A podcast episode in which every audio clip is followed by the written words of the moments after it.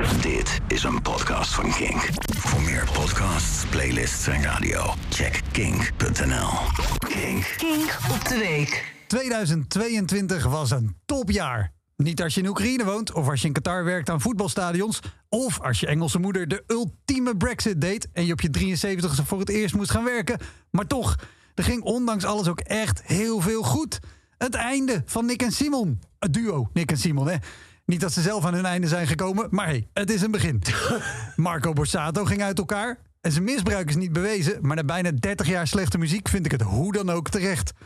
Hoe vertel je iemand dat de aarde niet meer rond is? Nou, Marco, gewoon op tv in een uitzending van Ongehoord Nederland. Heel de Voice stopte ermee. Het laatste wat daar werd omgedraaid waren de rollen. Voor één keer bepaalden de deelnemers het lot van de juryleden. En Metallica's oude werk werd nieuw uitgebracht en hun nieuwe werk klonk als vanouds. en tuurlijk, er waren ook slechte momenten in de muziek. Taylor Hawkins van Foo Fighters ging dood. Henny Vrienden overleed. Veel te vroeg. Qua leeftijd sowieso. Maar ook omdat we nog altijd niet weten wat het in vredesnaam betekent. Amoei.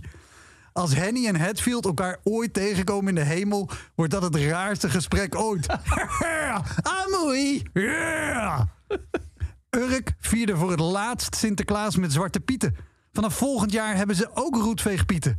Misschien wel het meest conservatieve dorp van Nederland gaat mee in de vaart der volkeren. Lekker bezig, Urk. En daarom geen afgezaagde grappen over kookgebruik of inteelt. Nee, die zijn voor Forum voor Democratie. Thierry is inmiddels zo ver heen dat zelfs zijn pakjes kabouterpost elkaar aankijken van... wauw, hebben wij dat gedaan? Echt, die keeper van Argentinië is een bescheiden en redelijke gast in vergelijking met Thierry. Al zegt Thierry zelf natuurlijk dat hij niet snuift. Wat zijn neus ingaat, is de lijn van God. En als je denkt, oké, maar wat heeft Inteelt nou weer met Forum te maken? Drie woorden, Gideon van Meijeren. Ik zeg niet dat Gideon het resultaat is van Inteelt. Hij is gewoon zo wanhopig. Voor 2023 is Inteelt een van zijn goede voornemens. En als je in een huis woont waar het harder toch dan in Gideons bovenkamer, was 2022 qua energierekening ook geen topjaar. Vlaggenverkopers hadden wel een topjaar. De Nederlandse vlaggen vlogen de winkel uit. Sommige mensen betaalden zelfs extra voor een exemplaar dat al in de fabriek ondersteboven was gehangen. En dankzij de megawinsten ging ook bij de energiebedrijven de vlag uit. Want dankzij de energiecrisis verdienen zij extra veel zonder ook maar iets extra te doen. Komen problemen in Nederland door buitenlanders? Ja, maar niet de mensen die op straat sliepen in Ter Apel tijdens down de bureaucratische rabbit hole. Maar door buitenlandse aandeelhouders van de Eneco's en Vattenvals. En als je op de pech hebt dat je in Groningen woont, zit je huis waarschijnlijk ook nog eens zo vol scheuren. omdat we het gas onder je reet vandaan pompten om zo snel en zo goedkoop mogelijk een van de grootste vervuilers in Europa te worden. En het is ons gelukt, hè? Dankzij bedrijven als Schiphol en Tata Steel. En krijgen die bedrijven, net als boeren, strenge milieueisen? Of moeten ze gedwongen krimpen of anders gaan werken? Nee, want zij zorgen, naar eigen zeggen, voor heel veel banen. Ja, klopt. Banen op de afdeling oncologie en in de uitvaartbranche, maar toch. Maar ook daar is er goed nieuws.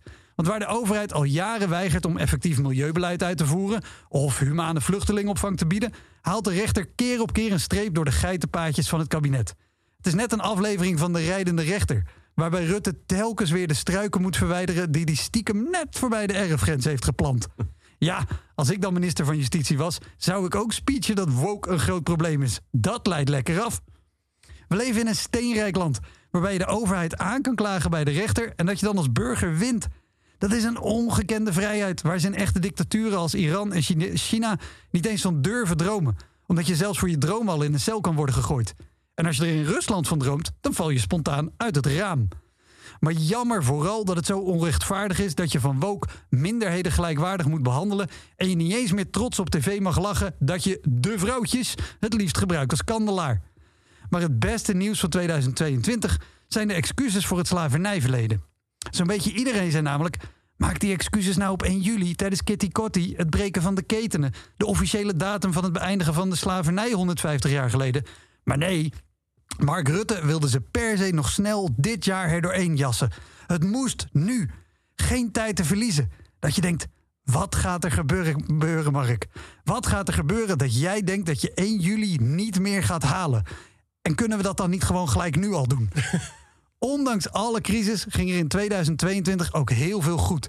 En ook al staat KLM op het punt om, grote, om op grote schaal corona te gaan importeren uit China, ziet de toekomst er goed uit. We gaan Sieverts miljoenen terugvorderen. Kink heeft kans op een FM-frequentie. En ik ga vanaf september toeren door de theaters in heel Nederland. 2023 wordt een topjaar. Dit was een podcast van Kink. Voor meer podcasts, playlists en radio, check kink.nl.